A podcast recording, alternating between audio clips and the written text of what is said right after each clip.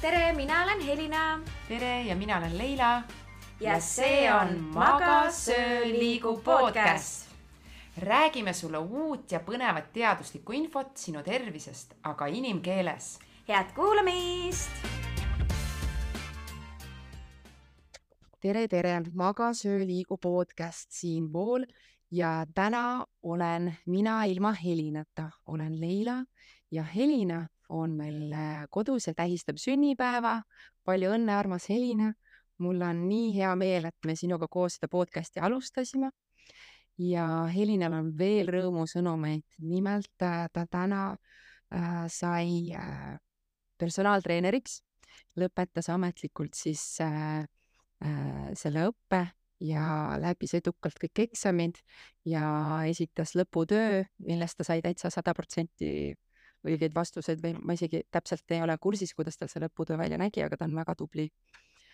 nii et äh, palju õnne Helinale ja laseme tal siis kodus äh, pidutseda, aga minu kõrval siin uhkes äh, psühholoogia, Tartu Ülikooli Psühholoogia Instituudi salvestusruumis äh, istub Aave Hannus, kes on ma arvan, Eesti äh, üks tuntumaid spordipsühholooge. mina ühtegi teist äh, spordipsühholoogi ei tea.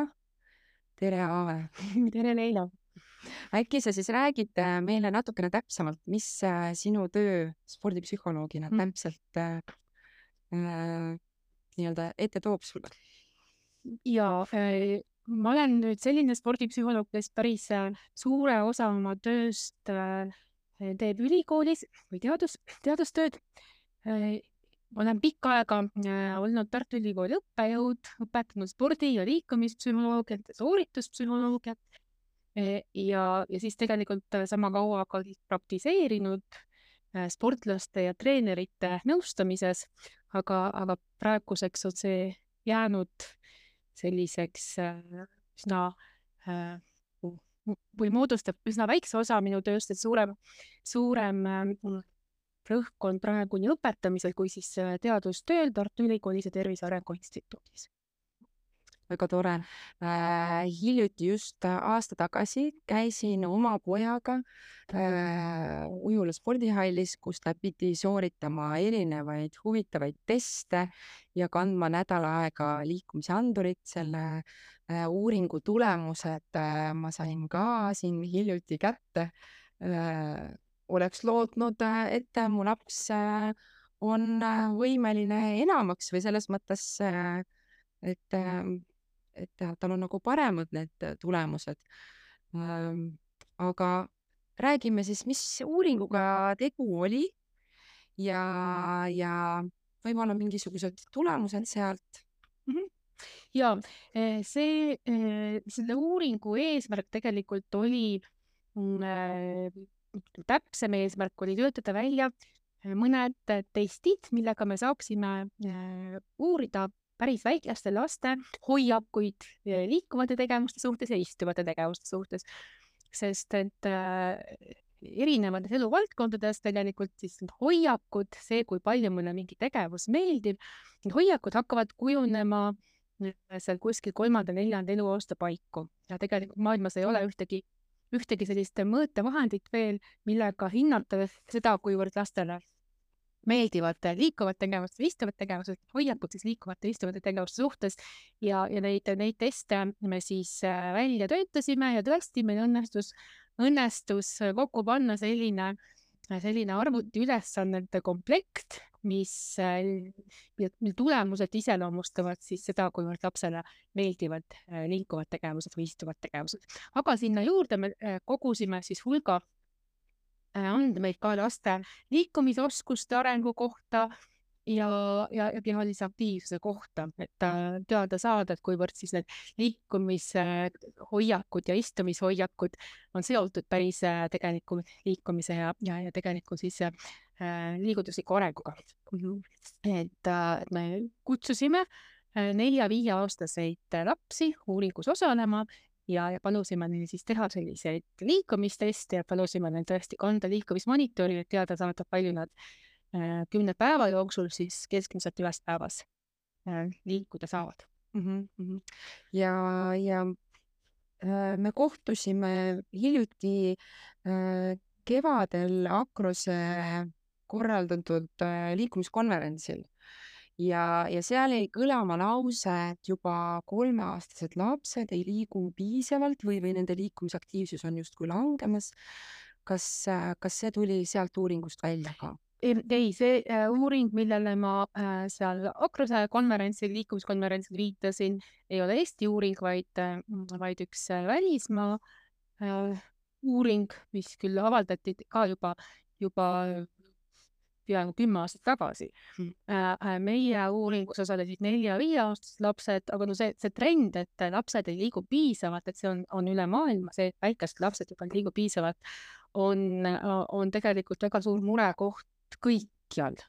kui me äh, näiteks äh, kujutame siin Eestis mõnikord ette, et norrakad liiguvad hästi palju, kujutame ette, et Norra lapsed sünnivad suusatelas ja ja siis äh, käivad äh, õuelasteaias ja, ja, ja on väga sportlikud, siis tegelikult ka Norras sellised nelja-viieaastased lapsed liiguvad keskmiselt aktiivselt, just mitte igasugune aeglane liikumine, vaid, vaid see, mis äh, kehalisele ja vaimsele arengule oluline on, selline mõõdukas ja tugev liikumine, me võime sellest natuke pärast rääkida, et mis see on, ehk siis, piisavalt oleks, piisava äh, nagu intensiivsusega on tarvis liikuda mm, kuuskümmend minutit päevas vähemalt ja siis Norra lapsed liiguvad umbes kolmkümmend minutit, poole vähem kui, kui peaks. Ja ja meil Eestis meie senised andmed nende nelja-viieaastaste laste puhul natuke, natuke paremad, et nelikümmend kaks, nelikümmend viis minutit äh, liigutakse, aga ikkagi see on veerand veerandi võrra vähem kui see absoluutne miinimum, mis oleks lapse normaalseks arenguks tarvis, et et see pilt on tegelikult väga väikeste laste puhul juba kaunis äh, sünge. okei okay,, aga siis äkki kohe uuesti täpsustaks äh, ära, mis selline äh,, kuidas ma tunnen ära, et, et ma olen nüüd selles nii-öelda, see liikumine läheb nüüd sinna kuuekümne minuti alla et äh, me eelnevatesse episoodidesse oleme siin podcast'is rääkinud ka natukene sellest, aga, aga kindlasti mõned inimesed võib-olla tahavad ainult äh, seda konkreetset episoodi kuulata, siis äh, siis äh, räägime korraks üle, et kuidas, kuidas ma aru saan, et mu laps on nüüd selles, et nüüd ta on nüüd selles õiges tsoonis, et nüüd ta kehaline aktiivsus on mõõdukas või kõrge? No pealt vaadates ongi seda natuke raske aru saada äh,. aga noh, üldpõhimõte on see, et, et see, selle kuuekümne minuti sisse läheb siis sellise aktiivsusega liikumine, kus laps hakkab hingeldama ja higistama natukene mm. -hmm. et südametegevus äh, suureneb, ainevahetus, eks ole, muutub intensiivsemaks ja see väljendub siis hingeldamises ja higistamises, mis ongi normaalne selleks, et tööd teha, eks ole, nii hästi saaksid tööd teha, siis on see tarvis see keha natuke äh, kõrgema käiguga tööle panna mm. -hmm okei, nii et põhimõtteliselt, kui ta hüppab, jookseb äh,, mürab äh,, veeretab ennast mööda maad, siis see võiks olla tegelikult ja ro ronib ju ka tegelikult onju, ronimine on päris ke keeruline kui seda pikalt teha, mm. siis, siis see võiks kõik minna sinna kuuekümne minuti alla nii-öelda ja, ja kas ta tohib siis seda teha nii-öelda, kas ta peab korraga kõik ära tegema või, või ta võib seda läbi päeva jagada, onju. vastupidi, ta peakski seda läbi päeva jagama just ja, ja, ja sellist kogu, kogu liikumisaktiivsust äh, koos kerget kehalist aktiivsust, kus kõnnime, hingeldama ja higistama ei hakka, et seda peaksid nelja-viieaastastel lastel kolm tundi kokku tulema, aga siis tund peaks vähemalt olema, nagu ma ütlesin, see, see sellist intensiivsust, kus laps hakkab natukene higistama ja hingeldama vähemalt natukene, eks. Et see, laps ikkagi rahmeldab enda pea märjaks, et see, see ongi normaalne, vajalik, see mm, -hmm. laps kasvaks ja äh, areneks, tema keha, tema keha saaks areneda ja sealhulgas areneb ka tema äh, vaim, sellepärast et kõik need tegevused, mida lapsed teevad kehalise aktiivsuse käigus äh, lapse jaoks, lapse normaalne kehaline aktiivsus ei ole ju mitte jooksmine lihtsalt, vaid ikkagi aktiivne mäng, see, et sa püüad, viskad äh, palli, spordivahendeid äh,, mängid kullijääl kedagi taga, ronid puu otsa. see tähendab seda, et sa pead oma tegevusi planeerima, sa pead ette mõtlema, kuhu ma liigun, kuidas ma liigun, kust ma kinni haaran, kuhu ma maandun. ehk et kõik need kehalised tegevused aitavad kaasa lapse vaimsele arengule mm. -hmm. ja, ja, ja võib-olla see on, on ka see põhjendus, kuidas, kuidas vanemad äh, või mis, mis aitaks vanemate jaoks ka äh, aru saada, et, et, et mitte ainult joonistamine ja selline käeline tegevus ei ole olulised lapse äh, vaimse arengu jaoks, vaid, äh, vaid just nimelt kogu liikumistegevus tegelikult arendab lapse enesejuhtimise oskuseid pikas perspektiivis. aga mida ma võib-olla siinjuures rõhutan, et sageli vanemate jaoks see tundub täiesti uskumatu, et lapsed nii vähe liiguvad, sest et peale vaadates lapsed ju tundub, et nad liiguvad väga palju, aga, aga laste liikumise hulgast arusaamise muudab keerukaks see, et lapsed liiguvad puhangutena. ta liigub ühest kohast teise, tekib distants, jookseb ühest kohast teise ja siis ta on jälle tükk aega paigal mm. -hmm. vot selliste nagu puhangute või sutsakatega nad liiguvadki ja, ja jääb mulje, et nad on kohutavalt aktiivsed, on tegelikult, tegelikult ka väga aktiivseid lapsi vähe. Tegelikult ähm, äh, kui ma olen äh, rääkinud koolis, et äh, jah, et koolilapsed peaksid ka vähemalt kuuskümmend minutit mõõduka intensiivsusega liikuma, treenima või, või tegema kehalisi tegevusi, siis äh, nende vastus on see, aga ma käin trennis kuuskümmend minutit, tähendab, mul on täis see. Mm.. et tegelikkuses nad ei saa või ei mõista kohe seda, et nad kuuskümmend minutit järjest, kui nad kuuskümmend minutit järjest jooksevad, okei okay,, onju, laps ei ole võimeline seda tegema ja, ja treenid tihti ei ole sellised, kus ma kuuskümmend minutit järjest jooksen, sest treeningul toimub õpetamine, puhkamine, joomine, mis iganes, onju, järjekorras vahest seismine ja, ja sellised asjad. Jah, mul meenus äh, liikumislabori päris esimene uuring siin võib-olla natuke vähem kui kümme aastat tagasi, Tartu Ülikooli liikumislabori uuring, kus meil osales äh, umbes viissada esimese teise kooliastme õpilast äh, ja, ja, ja muuhulgas me äh, küsisime nende käest ka, et kas nad käivad trennis organiseeritud treeningute ja siis hindasime, et kuivõrd kuivõrd see, kas laps osaleb treeningutel või mitte, on see seotud sellega, kas ta saab seda kuuskümmend minutit päevas mm -hmm. täis äh, igapäevaselt või mitte.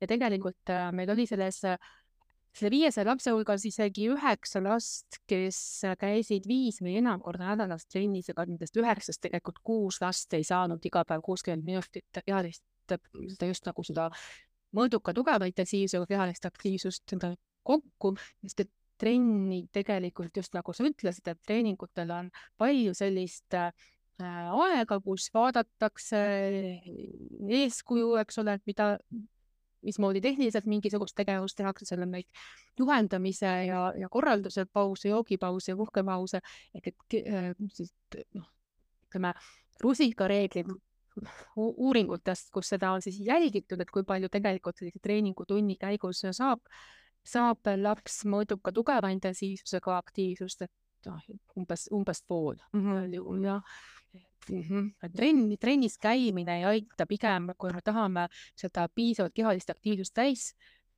täis koguda päeva peale, siis oleks oluline just ka see, see üldine kehaline aktiivsus, jalgsi ühest kohast teise liikumine, kui laps vanil seljas läheb hommikul kooli, viimased viissada meetrit või viimase kilomeetri saaks jalgsi minna, siis, siis see läheks ilusti juba selle, selle äh, tervist toetava, arengut toetava aktiivsuse hulka, aga ainult treeningutel käimisest äh, enamasti ei piisa mm. -hmm just.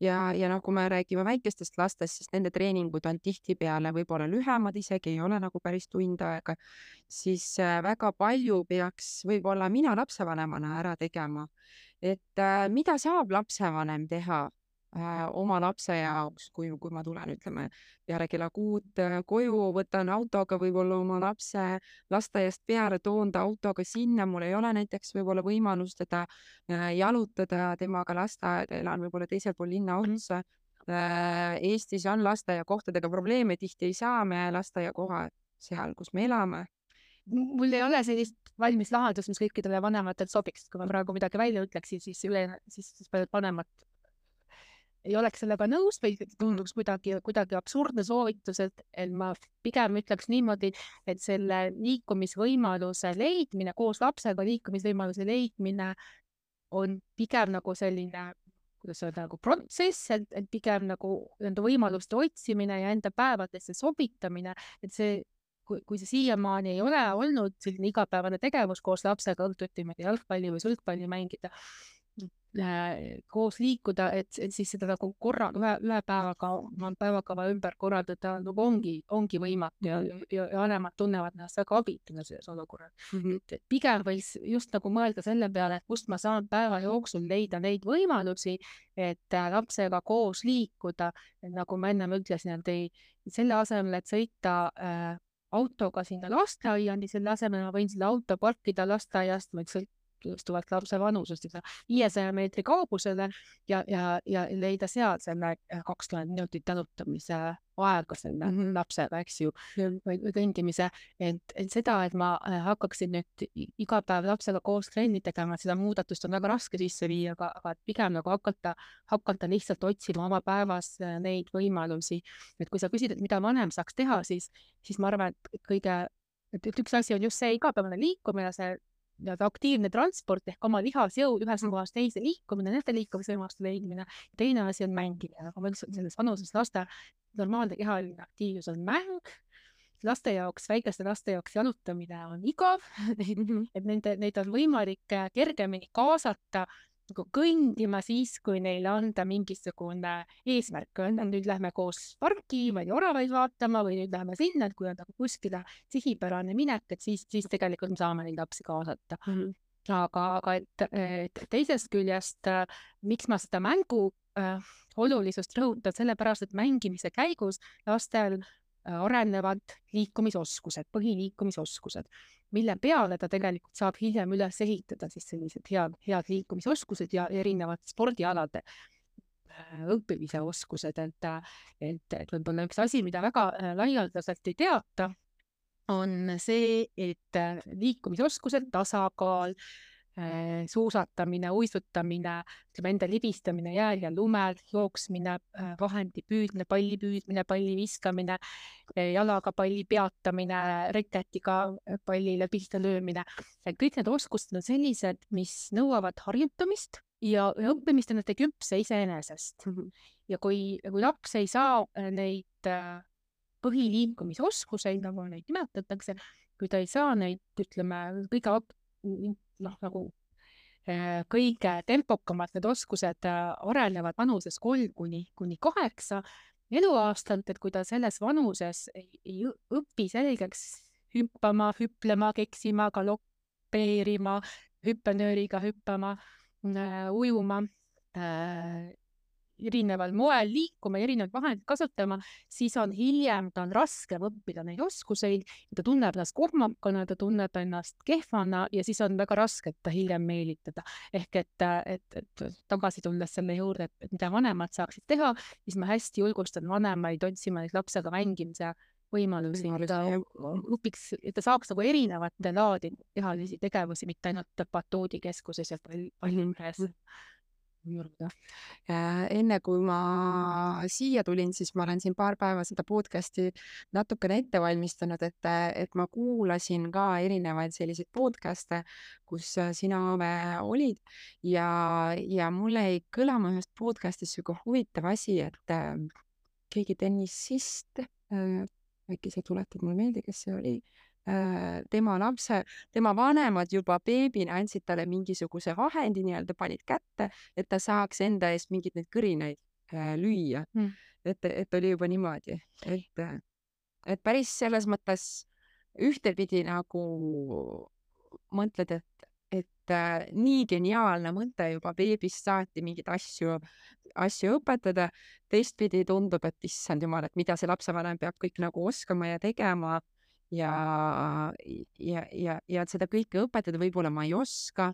et mm,, et kus, kus, kus see vastutus võiks olla, et mida õpetab näiteks lapsevanem ja, ja kas ma üldse peaksin selle lapse võib-olla trenni panna või trennidesse sest mul on ka palju küsimusi tulnud, aga mu laps käib siin trennis, et, et ma rohkem, et ma kardan, et talle saab liiga palju neid trenne, et ta käib juba kaks korda nädalas trennis, et äkki talle saab liiga palju, et ta ei tohiks ju iga päev trennis käia.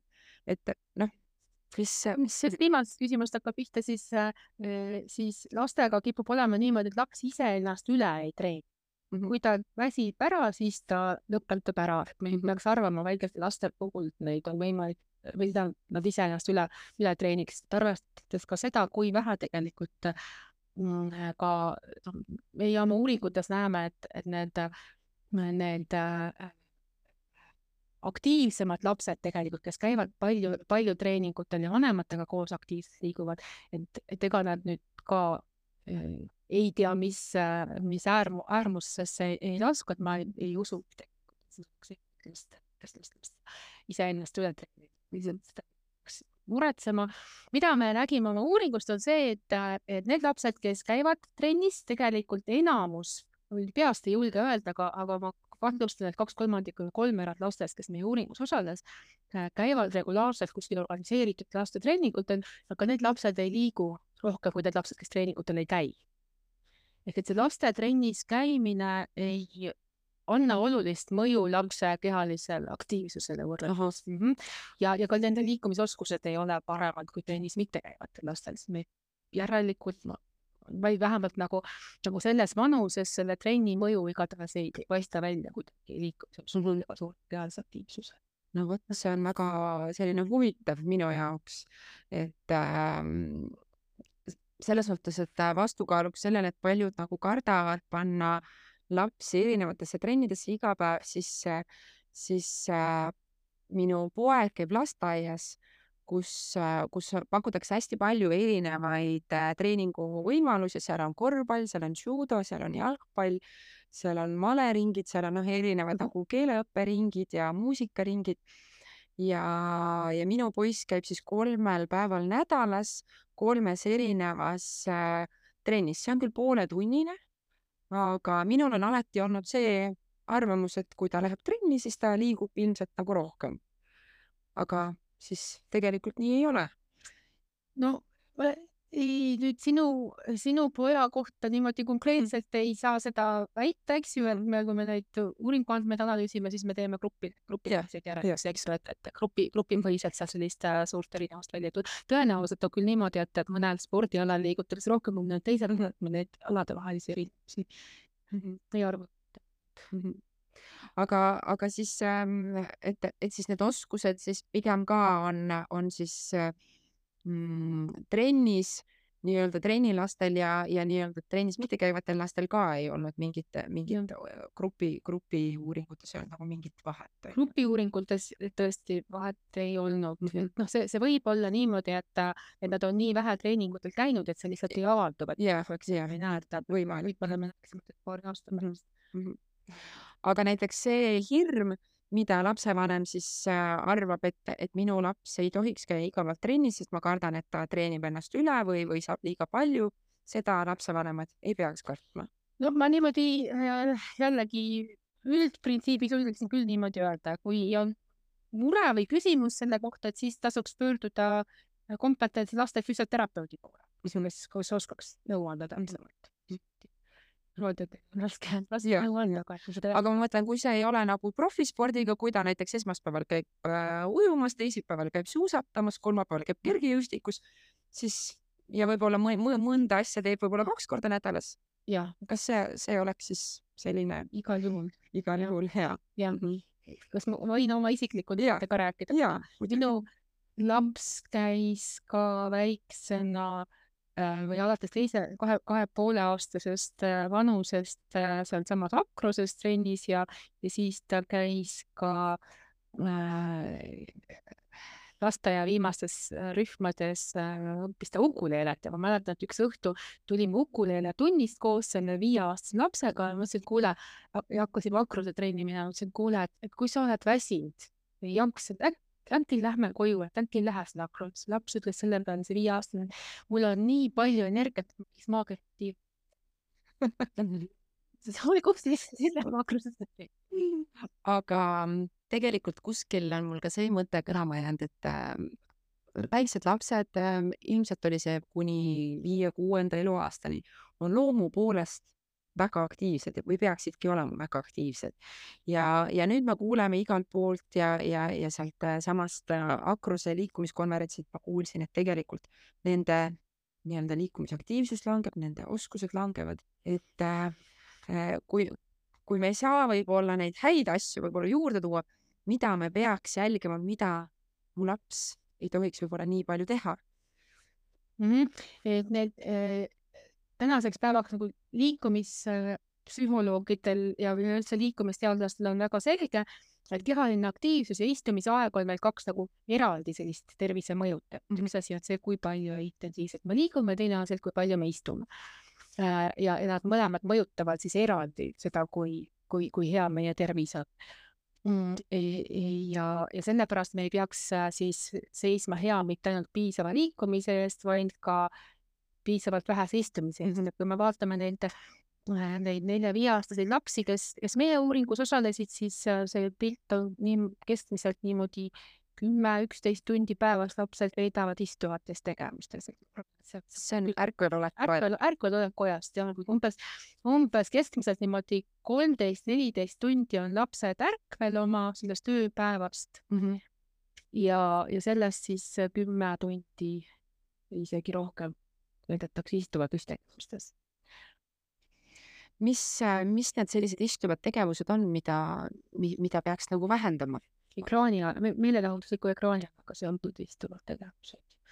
Nende puhul siis soovit-, noh, rõhutatakse, et et, et see ka ütleme nelja-viieaastastel, et ta ei oleks üle tunni aja mingil juhul päevas mm -hmm. ekraaniaega, aga, aga et, et üldse ka me ei paneks last pikaks ajaks istuvasse asendisse, kärusse, söögitooli, turvatooli pikemaks ajaks istuma süle, see, vabandust, sinna kõhukotti liikumatus asendisse, et, et see on üks asi, mida küll vanemad peaksid ka jälgima, et laps ei oleks liikumatus asendis pikka aega järjest. Et tegelikult juba need, need kõik sellised äh, ägedad vahendid, mis on loodud meile selleks, et äh,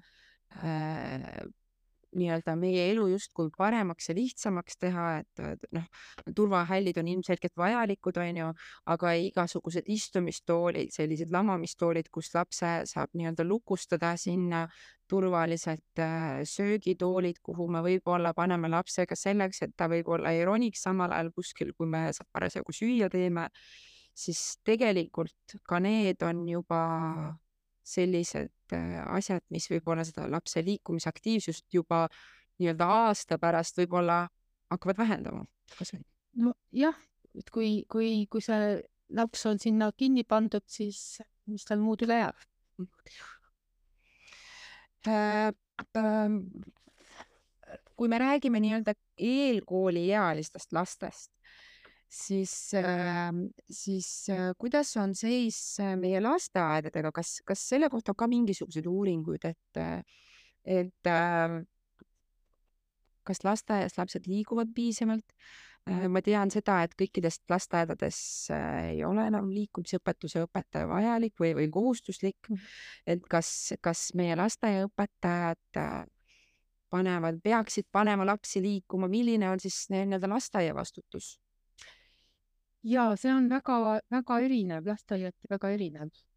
siin on nagu raske mingisuguseid selliseid äh, ühtseid äh, nagu põhimõtteid või, või järeldusi teha ja, ja, ja minul ei ole ka andmeid, mida, mida äh,, mida selle kohta öelda, aga vanematega rääkides ma saan aru, et, et lasteaiad on väga erinevad, on selliseid lasteaedu, kus liikumist väärtustatakse äh, ja, ja lastele võimaldatakse iga ilmaga õues olla ja liikuda, mitte ainult õues olla, vaid seal liikuda, eks ole, ja mustaks saada ja märjaks saada ja, ja, ja ikkagi, ikkagi liikuda ja, ja siis on, no teistsuguseid, nagu sa ütlesid, tõesti on, on olukord selliseks kujunenud, et, äh, et enam ei eeldata, et oleks siis äh,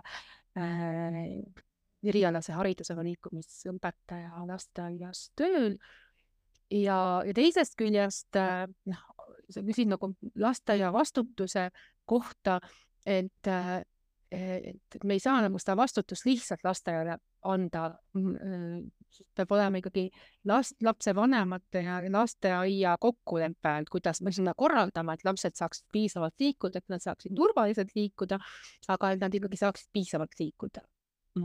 see on sellised täiskasvanud, ma ütleks, et see on täiskasvanute vastutus koos mm. -hmm. just. võib-olla mulle meeldib selline sõna nagu ühiskonna vastutus, et, et, et sinu laps on minu laps ja minu laps on sinu laps, et me või pea, peaks nagu koos lahendusi otsima. aga nüüd, kui mõni lasteaiaõpetaja siin äh, kuulab seda podcast'i, et ähm,, et ja, ja me oleme tegelikult äh,, ma vaatasin äh, sellist saadet nagu Maailma kõige tervem rahvas, oli vist selle saate nimi. Ja seal tuli välja niimoodi selline äh, asi, et, et koolis õue vahetunnis liigub, liikus laps palju rohkem kui siseruumides vahetunnis, seal vist ei olnud isegi oluline, milliseid tegevusi parasjagu pakuti, aga ikkagi see õuekeskkond justkui äh,, justkui kutsus liikuma, et äh, kas, kas siis see lapse, lasteaiaõpetaja peaks oma tegevusi siis rohkem õue planeerima, kas äh,? aitaks kindlasti aga äh, see võibki niimoodi, kui sa lähed lasteaeda ja vaatad natuke, et kuidas need lapsed seal liiguvad, siis kui, äh, kui tekib selline distants, et lapsel on võimalik läbida pikemat distantsi, siis tema pistab punuma, siis ta läbib selle vahemaa kiiresti ja joostes mm. -hmm. aga kui seda distantsi ei teki, kui on selline liivakastis või, või, või liikluslinnakul või, või sellises nagu mingisuguses mudaköögis toimetamine, et siis nad muidugi ei, ei liigu, sest, sest see nagu ütleme, selle kehalise aktiivsuse äh, osas otseselt äh, mõju ei avalda, et, et aga et niipea kui mm -hmm. saab, äh, saab üksteist taga ajada, selliseid jooksu elamismärke mängida, siis, siis tegelikult lapsed liiguvad küll. ehk siis äh, tegelikkuses võib-olla anda ka soovituses, soovitus, et äh, minna kuskile väljaspoolt nii-öelda lasteaia äh, äh, sisehoovi võib-olla sellistesse kohtadesse, kus on rohkem sellist võib-olla põllumaad või noh, mitte põllumaad, vaid sellist nagu vaba muru, kus lapsed saaksid joosta mäest üles, mäest alla, koriloigust üle hüpata just, et kui ma jällegi mõtlen, mõtlen väga suure heldimusega tagasi oma, oma lapse lasteaia teele siinsamas äh, Tartu lähedal Lähtel, et siis nemad läksid rühmaga, käisid tihtipeale järve ääres ümber järve matkamas ja jooksmas mäest üles ja mäest alla just niimoodi.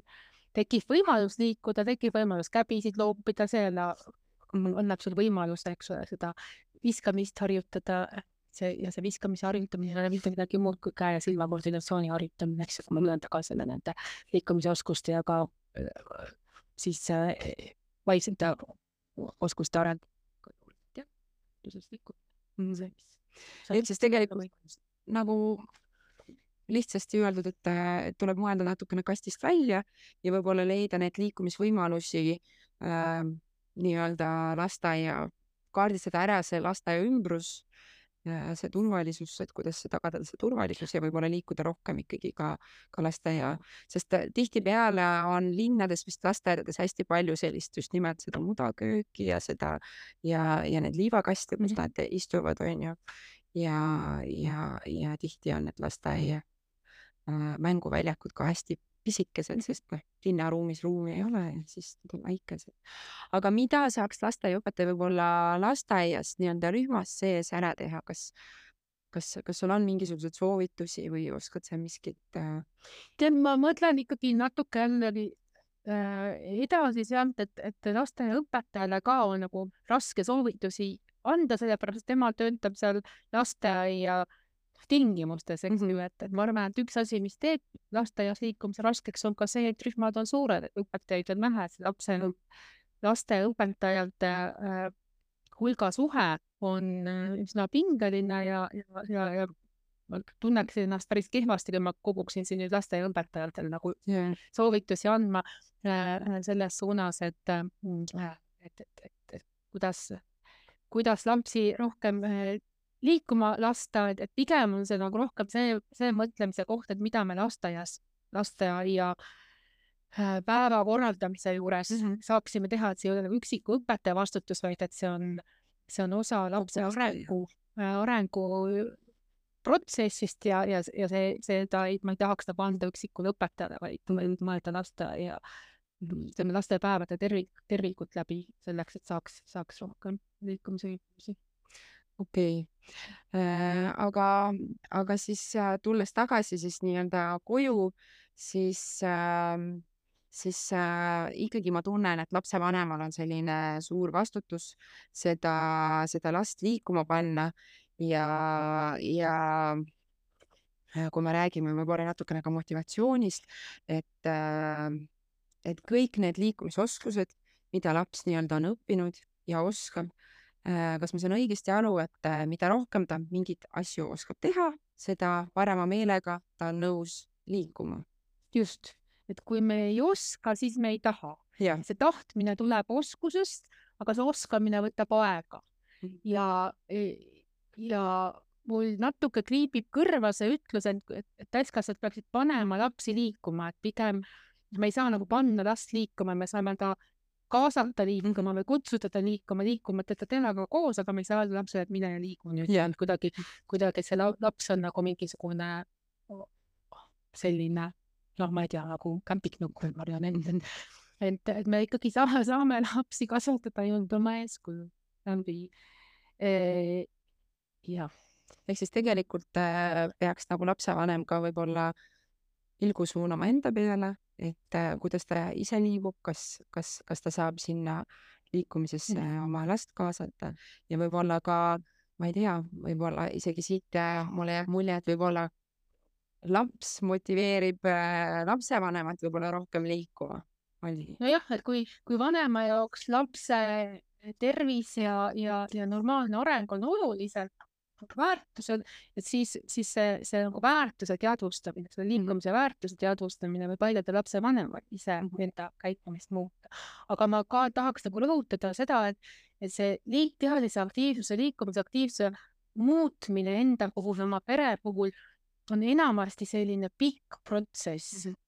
e, e, ja, ja enamasti nagu korduvalt äh, lähevad asjad nii, nagu sa ei lootnud, tekivad takistused see kehaline, või ütleme, see, see mure ebapiisava kehalise aktiivsuse pärast on nüüd äh, ütleme, nelikümmend aastat nagu kuhjunud ja järjest suuremaks saanud ja me näeme, et ei ole selliseid häid, kiireid viise, kuidas, kuidas inimesi aidata oma kehalist aktiivsust muuta ehk et ma pigem jällegi nagu julgustaks mõtlema niimoodi, et, et see on selline protsess, et otsi, kus sa saad võimalusi pro proovida ja, ja, ja paljud asjad võib-olla ei tööta, aga sa saad natuke targemaks ja saad teha teistsuguseid valikuid, mida, mida veel proovida.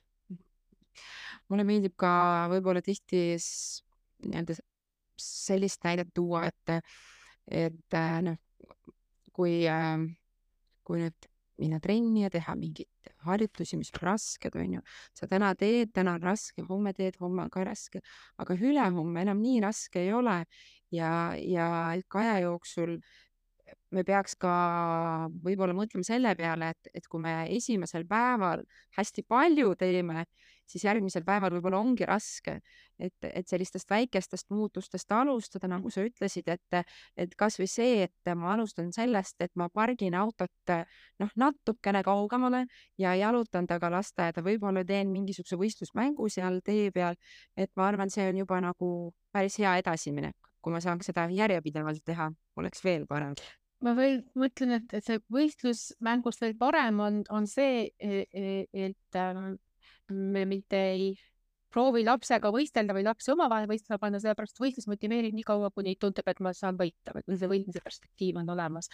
aga, aga et, et see, mis, mis paremini lapsele aitab mõista seda, et ma saan osavamaks, kui ma olin võib-olla kuu aega tagasi, on see, kui, kui näiteks võtta aega, kui kaua sa jooksed ühest laternapostist teise laternapostile mm, -hmm. siis, siis laps saab hakata tähele panema, kui palju kiiremaks ta saab, et, et see nagu iseenda suhtes paremaks saamine on motivatsiooni mõttes äh, hulga, hulga kasulikum, aga, aga just niimoodi, et me saame nagu mingisuguseid mänge seal tee peal teha selleks, et põnevust lisada äh,. et äh,, et äh,, et nende selliste jah, nende väikeste sammude haaval sellepärast et, et üks asi, mida peab ka arvestama, on see, kui eriti, kui me ei ole olnud äh, siiamaani kehaliselt aktiivsed või aktiivse eluviisiga ja meie keha ei ole harjunud äh, tööd tegema, südame-veresoonkond, lihaskond, hingamissüsteem ei ole harjunud mm, äh, nagu kõvasti tööd tegema,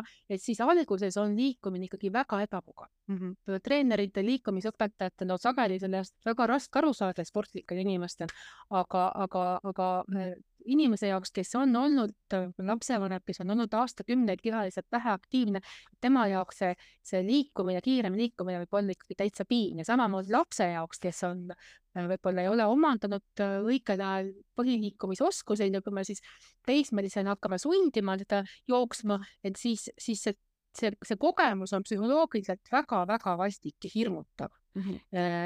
ehk et, et palju perspektiivikam on hakata selliste tõesti nagu naeruväärselt väikeste sammudega äh, seda kehalist aktiivsust tasapisi liikumist sisse tooma oma päevadesse, et see pikas perspektiivis tasub ennast paremini ära kui see, et me korra proovime, nädal aega teeme ja siis on kõrini lükata. ilmselt see on ka nagu, kui ma ise seda kuulen, siis, siis ma tunnen, et see on ka nagu lihtsam vastu võtta seda, seda asja ja võib-olla lihtsam proovida, et kui ma kohe mõtlen, et oh, ma pean, mu laps peaks nagu võib-olla äh, kuuskümmend äh, minutit liikuma ja ta tegelikult võib-olla istub väga-väga kaua ja või väga palju talle tegelikult liikumine või jooksmine üldse ei meeldi, onju, siis, siis ongi, tulebki nagu selline ahastus peale mm. -hmm.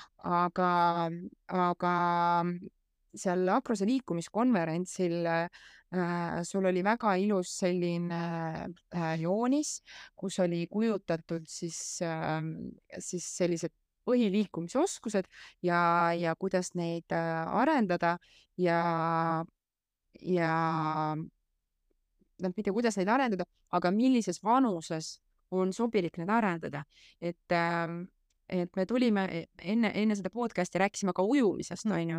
et, äh, et too hetk ma küsisin ka, et, et miks me tegelikult õpetame ujumist teises klassis, kui, kui joonise järgi parim aeg ujumise õppimiseks on nii-öelda neljanda-viienda aasta vahel ja, ja, ja tegelikult kõige parem aeg nii-öelda harjutamiseks on kuni seitsmenda eluaastani mm. -hmm. et äh, noh, tegelikult mulle ikkagi tundub natukene nagu ehmatav see, onju, aga, aga teistpidi, kui ma näen koolis äh, on palju sellist ujumisega seotud ärevusega, noh, ärevust, et ütleme, igas klassis on ikkagi lapsi, kes äh, kardavad lihtsalt äh, pead vee alla panna või nägu vee alla panna, siis on äh,, siis on tegelikult teises klassis seda väga keeruline teha, onju. et äh, et, et siis peaks nagu lapsega ikkagi nagu ujuma, ujumas käima, on ju, siin on, ma vaatan juba, juba suusatamine või suusata, ei, mitte suusatamine, vaid, vaid sihuke ähm, jalgrattaga sõitmine võiks juba selge olla, et, et lõppkokkuvõttes ikkagi tuleb neid, neid asju päris palju ja, ja sellel vaata, seal on see hümpenüüriga hüppamine, et palju see on vanemate jaoks tihtipeale üllatus ja et see hüpitsega hüppamine, seda võiks ka kolme-nelja-aastaselt äh, juba kolmeselt hakata proovima ja neljaselt juba usinalt harjutada. no mina olen juba oma nii-öelda poisiga olen nagu hiljaks jäänud. selle hüppamisega.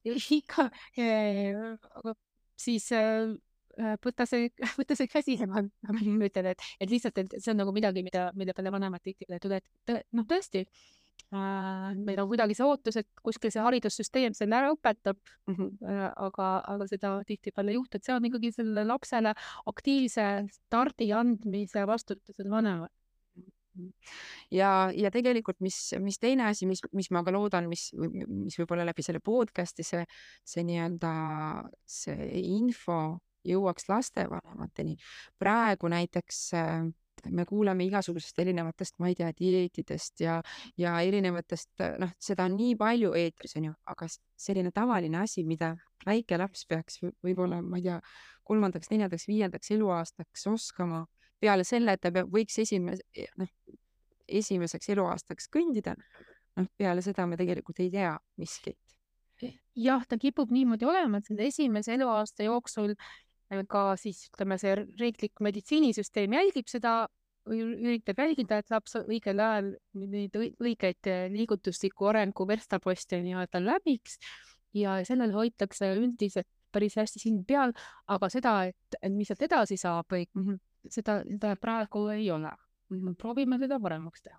jah et äh, aga ma käiks korraks selle tabeli ka läbi, et, et siin on näiteks äh, kõndimine, mis, mis noh, nagu me rääkisime siin nii-öelda äh, noh, esimese eluaasta nii-öelda, esimeseks eluaastaks võiks nii-öelda käpas olla või, või nii-öelda äh, ka teise, noh, see on teise eluaasta. teise, teise eluaasta siis nii-öelda üks koma viis või, või kuidas ta siis, et äh, kaks koma viis, äh, seal ta võiks juba nii-öelda joosta päris, päris usinasti, onju eks ta jookseks ka, kui tal võimalus antakse, eks ju, et, et kui laps saab piisavalt palju liikuda, siis ta tegelikult õpib ka õigesti ökonoomselt jooksma mm. -hmm vot see ökonoom-, ökonoomsus kõlas äh,. mõttes tal on mõnus joosta. jah, et, et tegelikult, mis tähendabki seda, et ta jookseb ilusa sammuga, onju, ja, ja, ja see kohmakus nii-öelda kaobki ära siis, kui laps õpib mingit oskust õigel ajal.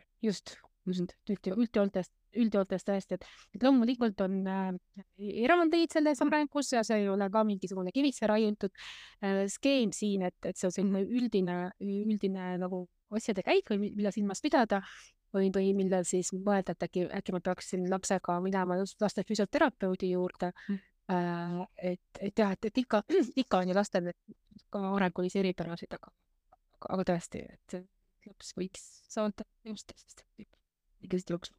-hmm ja, ja siin on täitsa nagu tasakaal, mis siin, mis siin näiteks tasakaalu all mõeldakse, et? seda, et sa suudad äh, oma keha hoida tasakaalus, näiteks siis äh, kõndides mingisugust äh,, mingisugust sellist äh, kitsast serva mööda, laps liik-, ütleme liivakasti äärt mööda või kõnnid, kõnnite serva mööda, edaspidi ja tagurpidi ja, ja, ja kükitada ja, ja püsti jääda, et kuidas, kuidas me suudame oma keha stabiliseerida tegelikult siis? mul tekkis praegu väga hea aha-efekt, et äh, meil siis, kui Karl läks, minu siis noorem laps Karl läks lasteaeda, siis minu arust esimesel aastal oli neil selline äh, väga tore selline vanem õpetaja äh,, läks kohe esimesel aastal, kui Karl oli, kas ta seal läks pensionile, aga tema tegi väga ägedaid tasakaaluharjutusi sealsamas liivakasti selle ümber, et, tegelikult vist lasteaiaõpetajatel mingil määral on need mingisugused teadmised olemas siis. et, et, et tegelikult praegu, praegu sain mina sellise ahaa-efekti. Et aga, aga siit edasi siis äh, ongi äh, siis äh, äh skating, ski. suusatamine, suusatamine ja suusatamine on ka päris, päris varakult, et neljanda-viiendaks elu, eluaastaks. et ähm, kas selle kohta on ka, kui paljud lapsed üldse suusatavad ja uisutavad, selle kohta vist mingeid selliseid andmeid ei ole, aga jah, ei, ei ole, aga pigem kui meil siin jah. pigem, pigem on äh, nagu lapsevanemad, kes, kes, kes ikkagi võtavad lapse äh, uisuväljakule kaasa. Tartus on ju väga tore uisuväli, Tallinnas, Tallinnas ka loomulikult uisuväljakud tekivad ka kuskile, on ju, väga tore.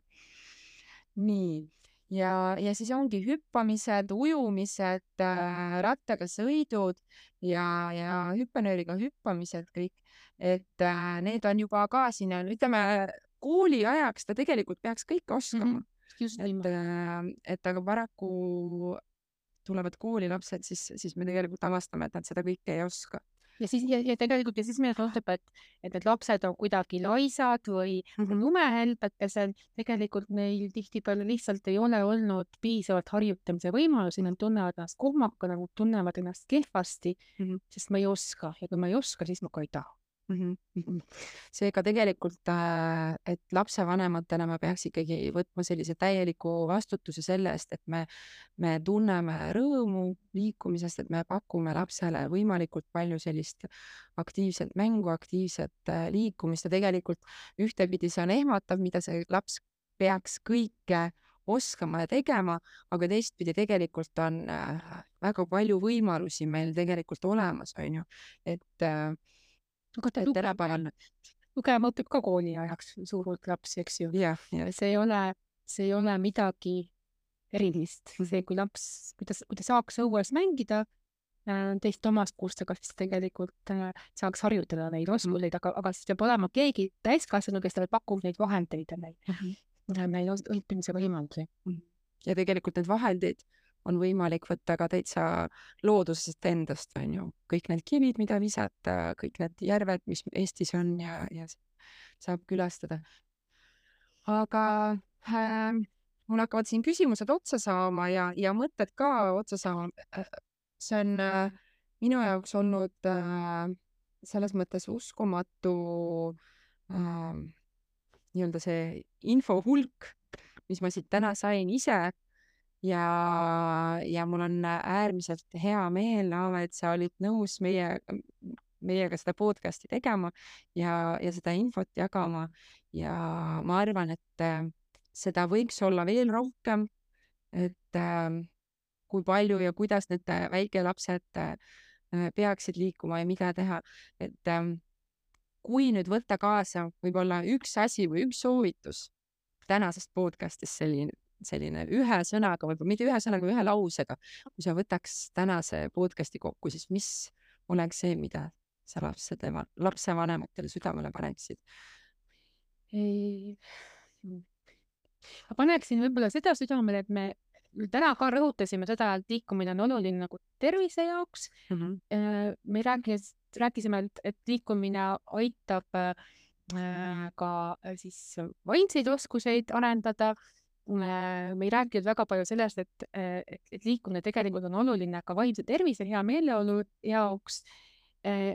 aga, aga üks selline paradoks, mis mis tänaseks päevaks on nagu koorunud, on see, et kui inimesi suunata liikuma terviseargumentidega, öelda, et, selleks, et su tervis parem oleks, peab liik-, peaks liikuma, et siis tegelikult see inimesi väga ei motiveeri või see, see ei ole tõhus, tõhus nõuanne.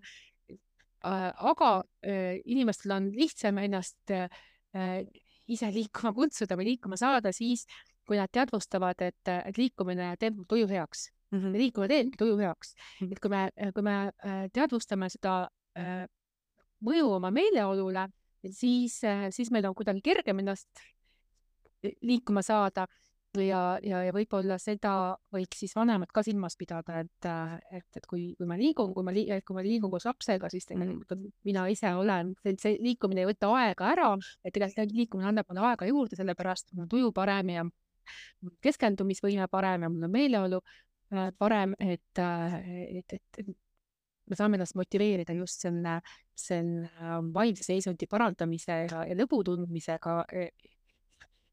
See, selle hea tuju pärast liikumine tundub vastuvõetavam mm. -hmm. ja see, ma alati nagu mõtlen selle peale, et kui, kui kogu perega kuskile minek on, näiteks lähme suusatama või, või lähme keelgutama, onju, siis alati on selline noh, mul on kodus kaks niisugust äh, teismelist tütart ka, siis, äh, siis alati see, see autosse minek ja see pakkimine ja see nii stressi tekitab ja, ja eriti need teismelised saada sealt nii-öelda majast välja on nagu päris nagu raske. Äh, väikeste laste puhul see tegelikult noh mi,, minu rõõmuks on ju nii ei ole, aga, aga kui me lõpuks käime ära seal kas kelgutamas või suusatamas või matkamas, siis, äh, siis autos kõlab ka vahest selline, et tegelikult oli päris tore mm, -hmm. et, äh, et rohkem võib-olla aega perega koos liikudes, et siis tekiks selline tore, selline rõõm, rõõm, rõõmsamaid hetki tekib perega koos. ja. Ma arvan, see päris, päris hea mõte siit kaasa kas sul on äh, veel mõni mõte, mis jäi täna kõlamata, et äh, mida sa tahaksid jagada, et äh, tegelikult eelkooli, nii-öelda eelkooliealistest lastest me kindlasti planeerime ka veel mingit eraldi podcast'i, aga, aga just eelkooliealistest lastest, kui sul on mõni mõte veel, siis. ma võib-olla võtan selle siis korra teisest küljest kokku selle, selle mõttega, et äh, me ei peaks lükkama seda lapse liikumise toetamist edasi tänaseks päevaks äh,. liikumispsühholoogid julgevad öelda, et äh, hilisemal aktiivsel eluviisil pannakse alus esimese eluaasta jooksul, et ikkagi lase oma lapsed võimalikult palju liikuda ja, ja ära mõtle, et see kuskil lasteaias või koolis keegi selle ära teeb, et see on mm, -hmm. see on see, mida sina saad ise, ise oma lapse, lapse jaoks teha mm. -hmm. see oli väga, väga hea mõte, et, et ärme, ärme alusta esmaspäevast kohe praegu aga aitäh sulle, et ma loodan, et, et võimalikult noh, väga paljud inimesed äh, seda podcast'i lõpuks kuulavad ja tegelikult me ju jagasime päris palju vajalikku infot siin, mida tegelikult võib-olla meedias nii palju ei kajastu.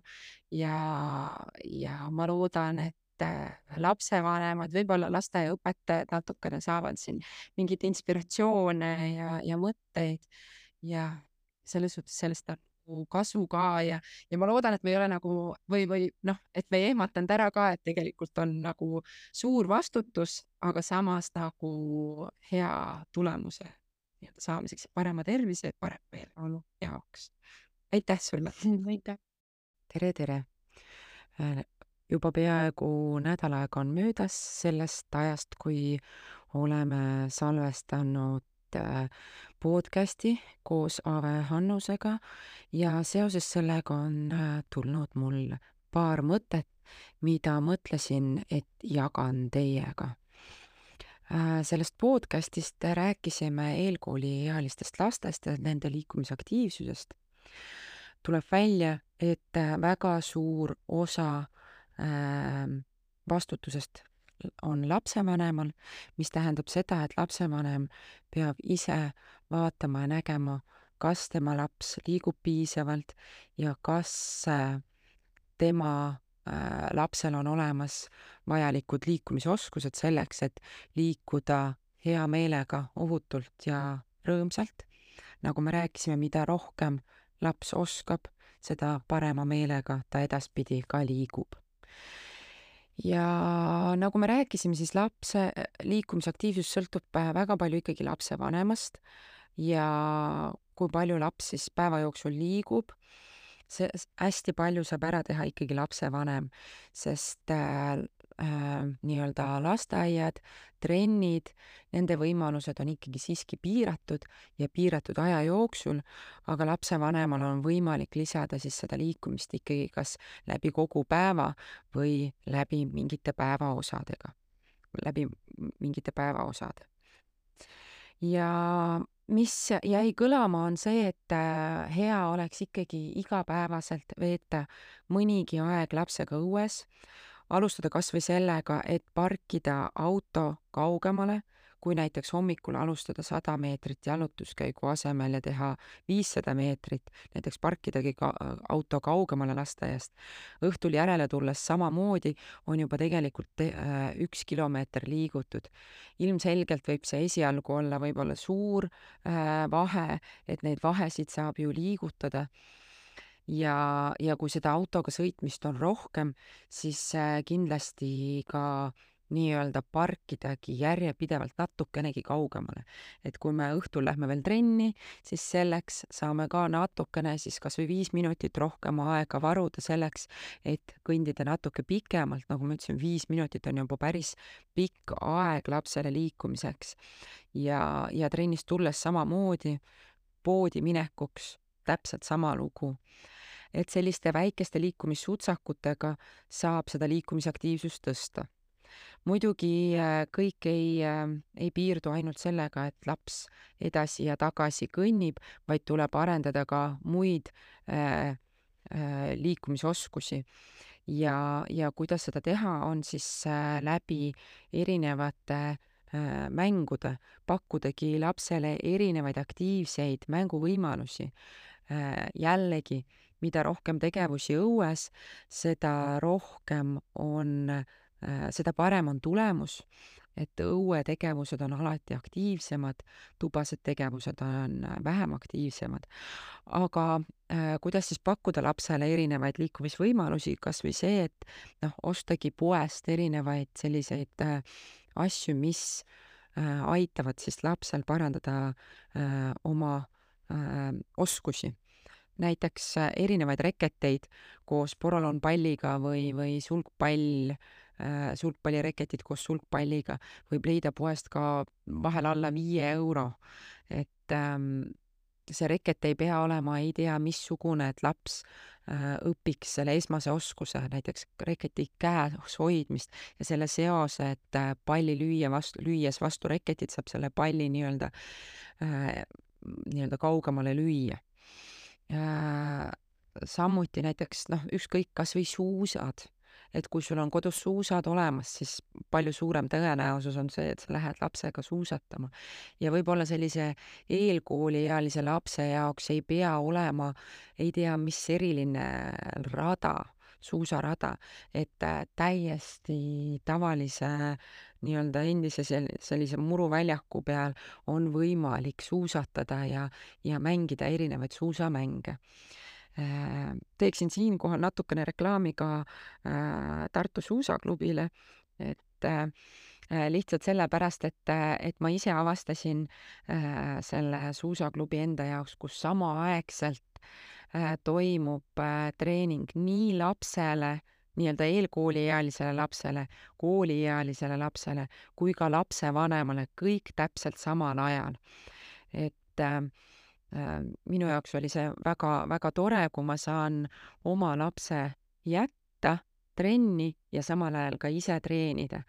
et, ähm, et see on päris põnev ja võib-olla ka laps vaatab, et äh, ema ja isa äh, sõidavad ise ka samal ajal suuskadega, siis, siis ta ise ka tunneb, et, et see on vajalik oskus tema jaoks nagu me rääkisime, siis äh, lapsevanem on, on ikkagi väga suur suunamudija lapse jaoks ja, ja võib-olla ka koolis ei tundu see suusatamine enam nii hirmuäratav, kui laps on seda varakult proovid, proovinud ja koos lapsevanemaga. ja, ja mis siis veel lapsevanem saab ikkagi ära teha, et ikkagi see põhiliikumisoskuste selgeks õpi-, õpetamine, kõndimine, jooksmine äh,, ähm, hüppamine, tasakaalu hoidmine, viskamine, püüdmine, et need tegelikult ju tunduvad üsna tehtavad. et kui mul äh, mingi hetk tekkis äh, vestluses Aavega selline väike hirm, et kui palju vastutust ikkagi lapsevanemal on, siis äh,, siis kui nüüd äh, nädal aega natukene sellele podcast'ile järele mõeldes või sellele intervjuule järele mõeldes ja analüüsides, siis tegelikkuses ei ole see mitte midagi muud, kui panna laps sellisesse olukorda, kus ta kasutab neid erinevaid liikumistegevusi.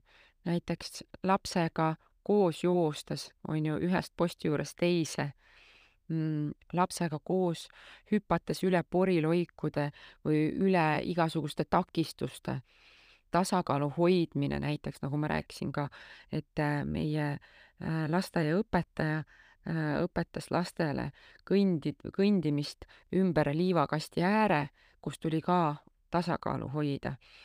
ja, ja viskamisi ja püüdmisi on võimalik teha ükskõik mis vahendiga, et isegi toas kas või mingisuguse käterätiku või lapiga, et see on selline mõnus ja lõbus tegevus, mida võib teha juba väga-väga väikesest vanusest. Ehm, ja kui rääkida sellistest võib-olla raskematest äh, liikumistegevustest, kas või näiteks rattasõit või ujumine, siis ei tule teha mitte miskit muud, kui pannagi laps lihtsalt sellisesse olukorda, et ta peaks ujuma või peaks rattaga sõita. et selleks, et laps rattaga sõidaks, on vaja ta panna ratta selga ähm, praegu on väga head sellised äh, jooksurattad, mis tegelikult äh, minu kogemuselt on kõige paremad mm, rattaga sõidu nii-öelda õppimise esimene tase. Et kui laps oskab jooksurattaga juba hoida teatud tasakaalu peale jalgade lükkamist või hoiab tasakaalu näiteks äh, laugest mäest alla sõites, siis ta on tegelikult valmis ka juba kaherattalise jalgrattaga äh, sõitma ja õppima sellega sõitma. et siis jääb kaherattalise jalgrattaga õp- äh,, jääb õpetada talle ainult äh, väntamist Ehm, siis pidurdamist, äh, sõitma hakkamist ja siis seda sõidu lõpetamist.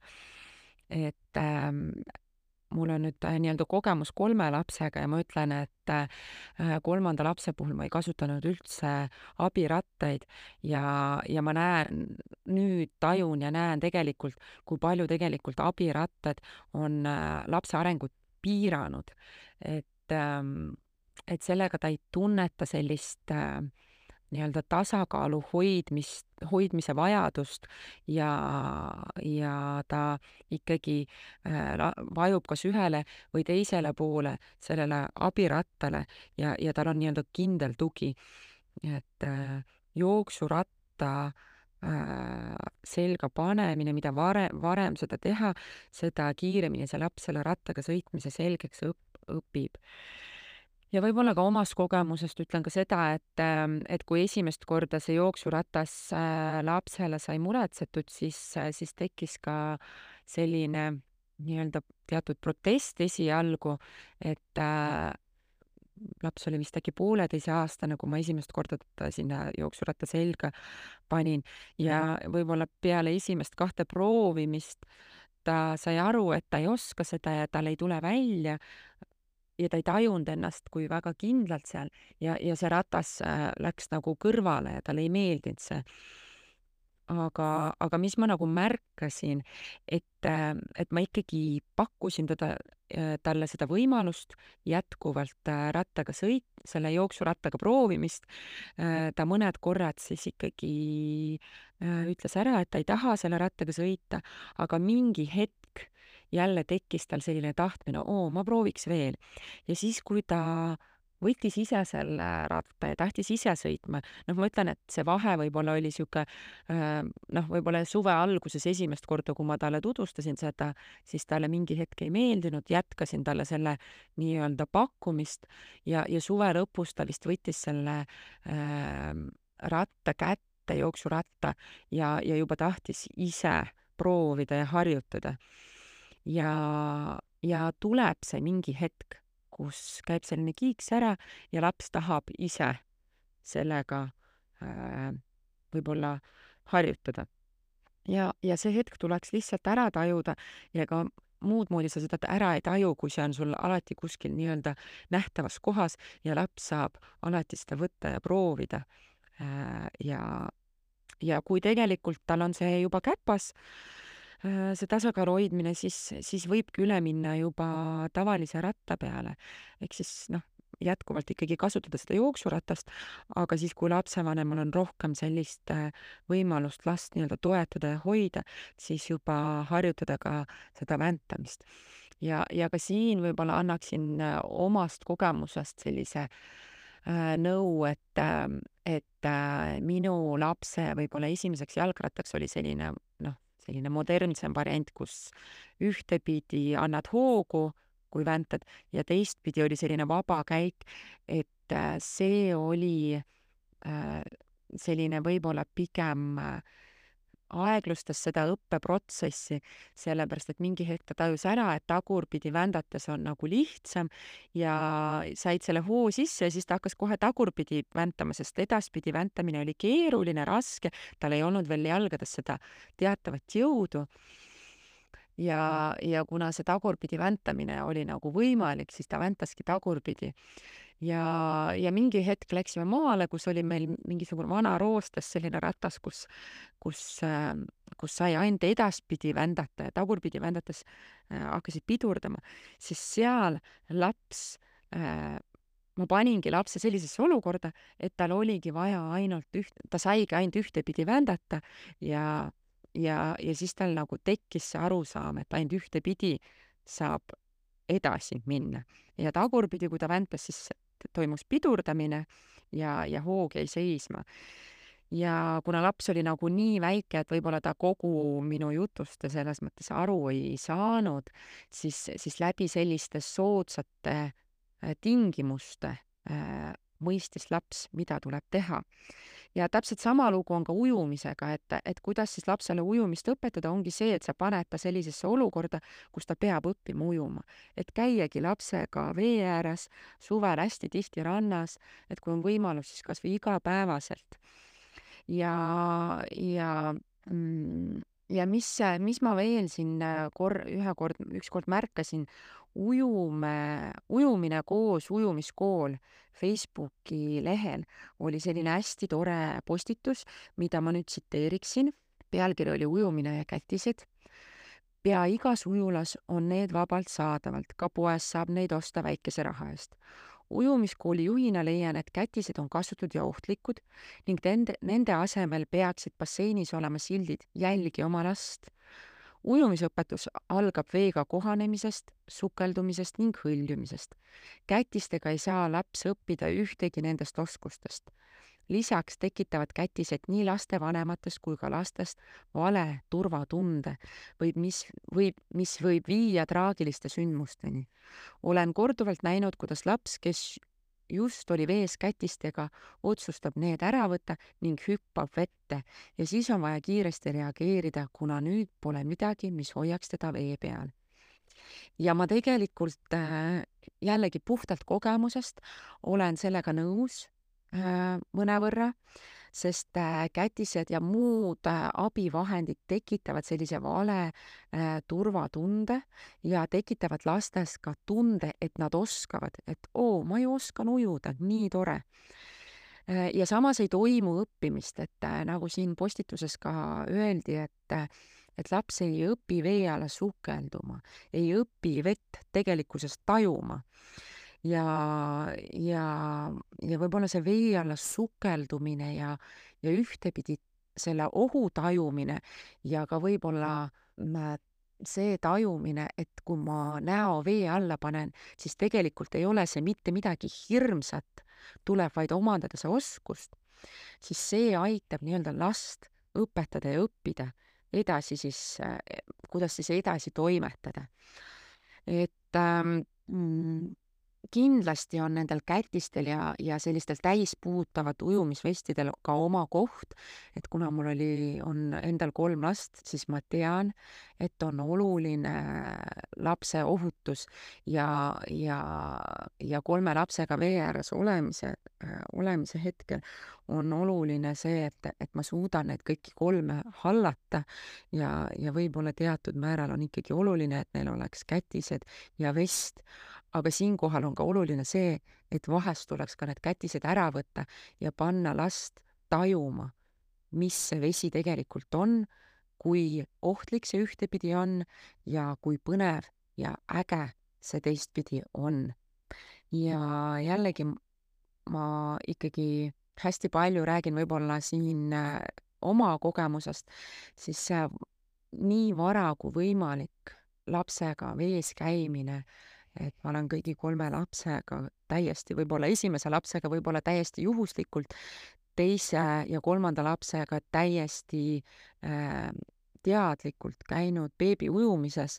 Ja ma näen, et see on äh, lapsele väga palju sellist äh,, sellist äh, võib-olla enesekindlust andnud äh, vees kohanemisega ja, ja, ja võib-olla sellise äh, ujumise õppimisel ja koolilastes näen ka seda, et need lapsed, kellel on suur veehirm või nad on läbi elanud mingisuguse sellise noh, ma ei saa öelda traagilise sündmuse, aga, aga võib-olla jah, tajunud, tekkinud mingisugune olukord, siis, sest nendel on ka tulevikus suurem veehirm.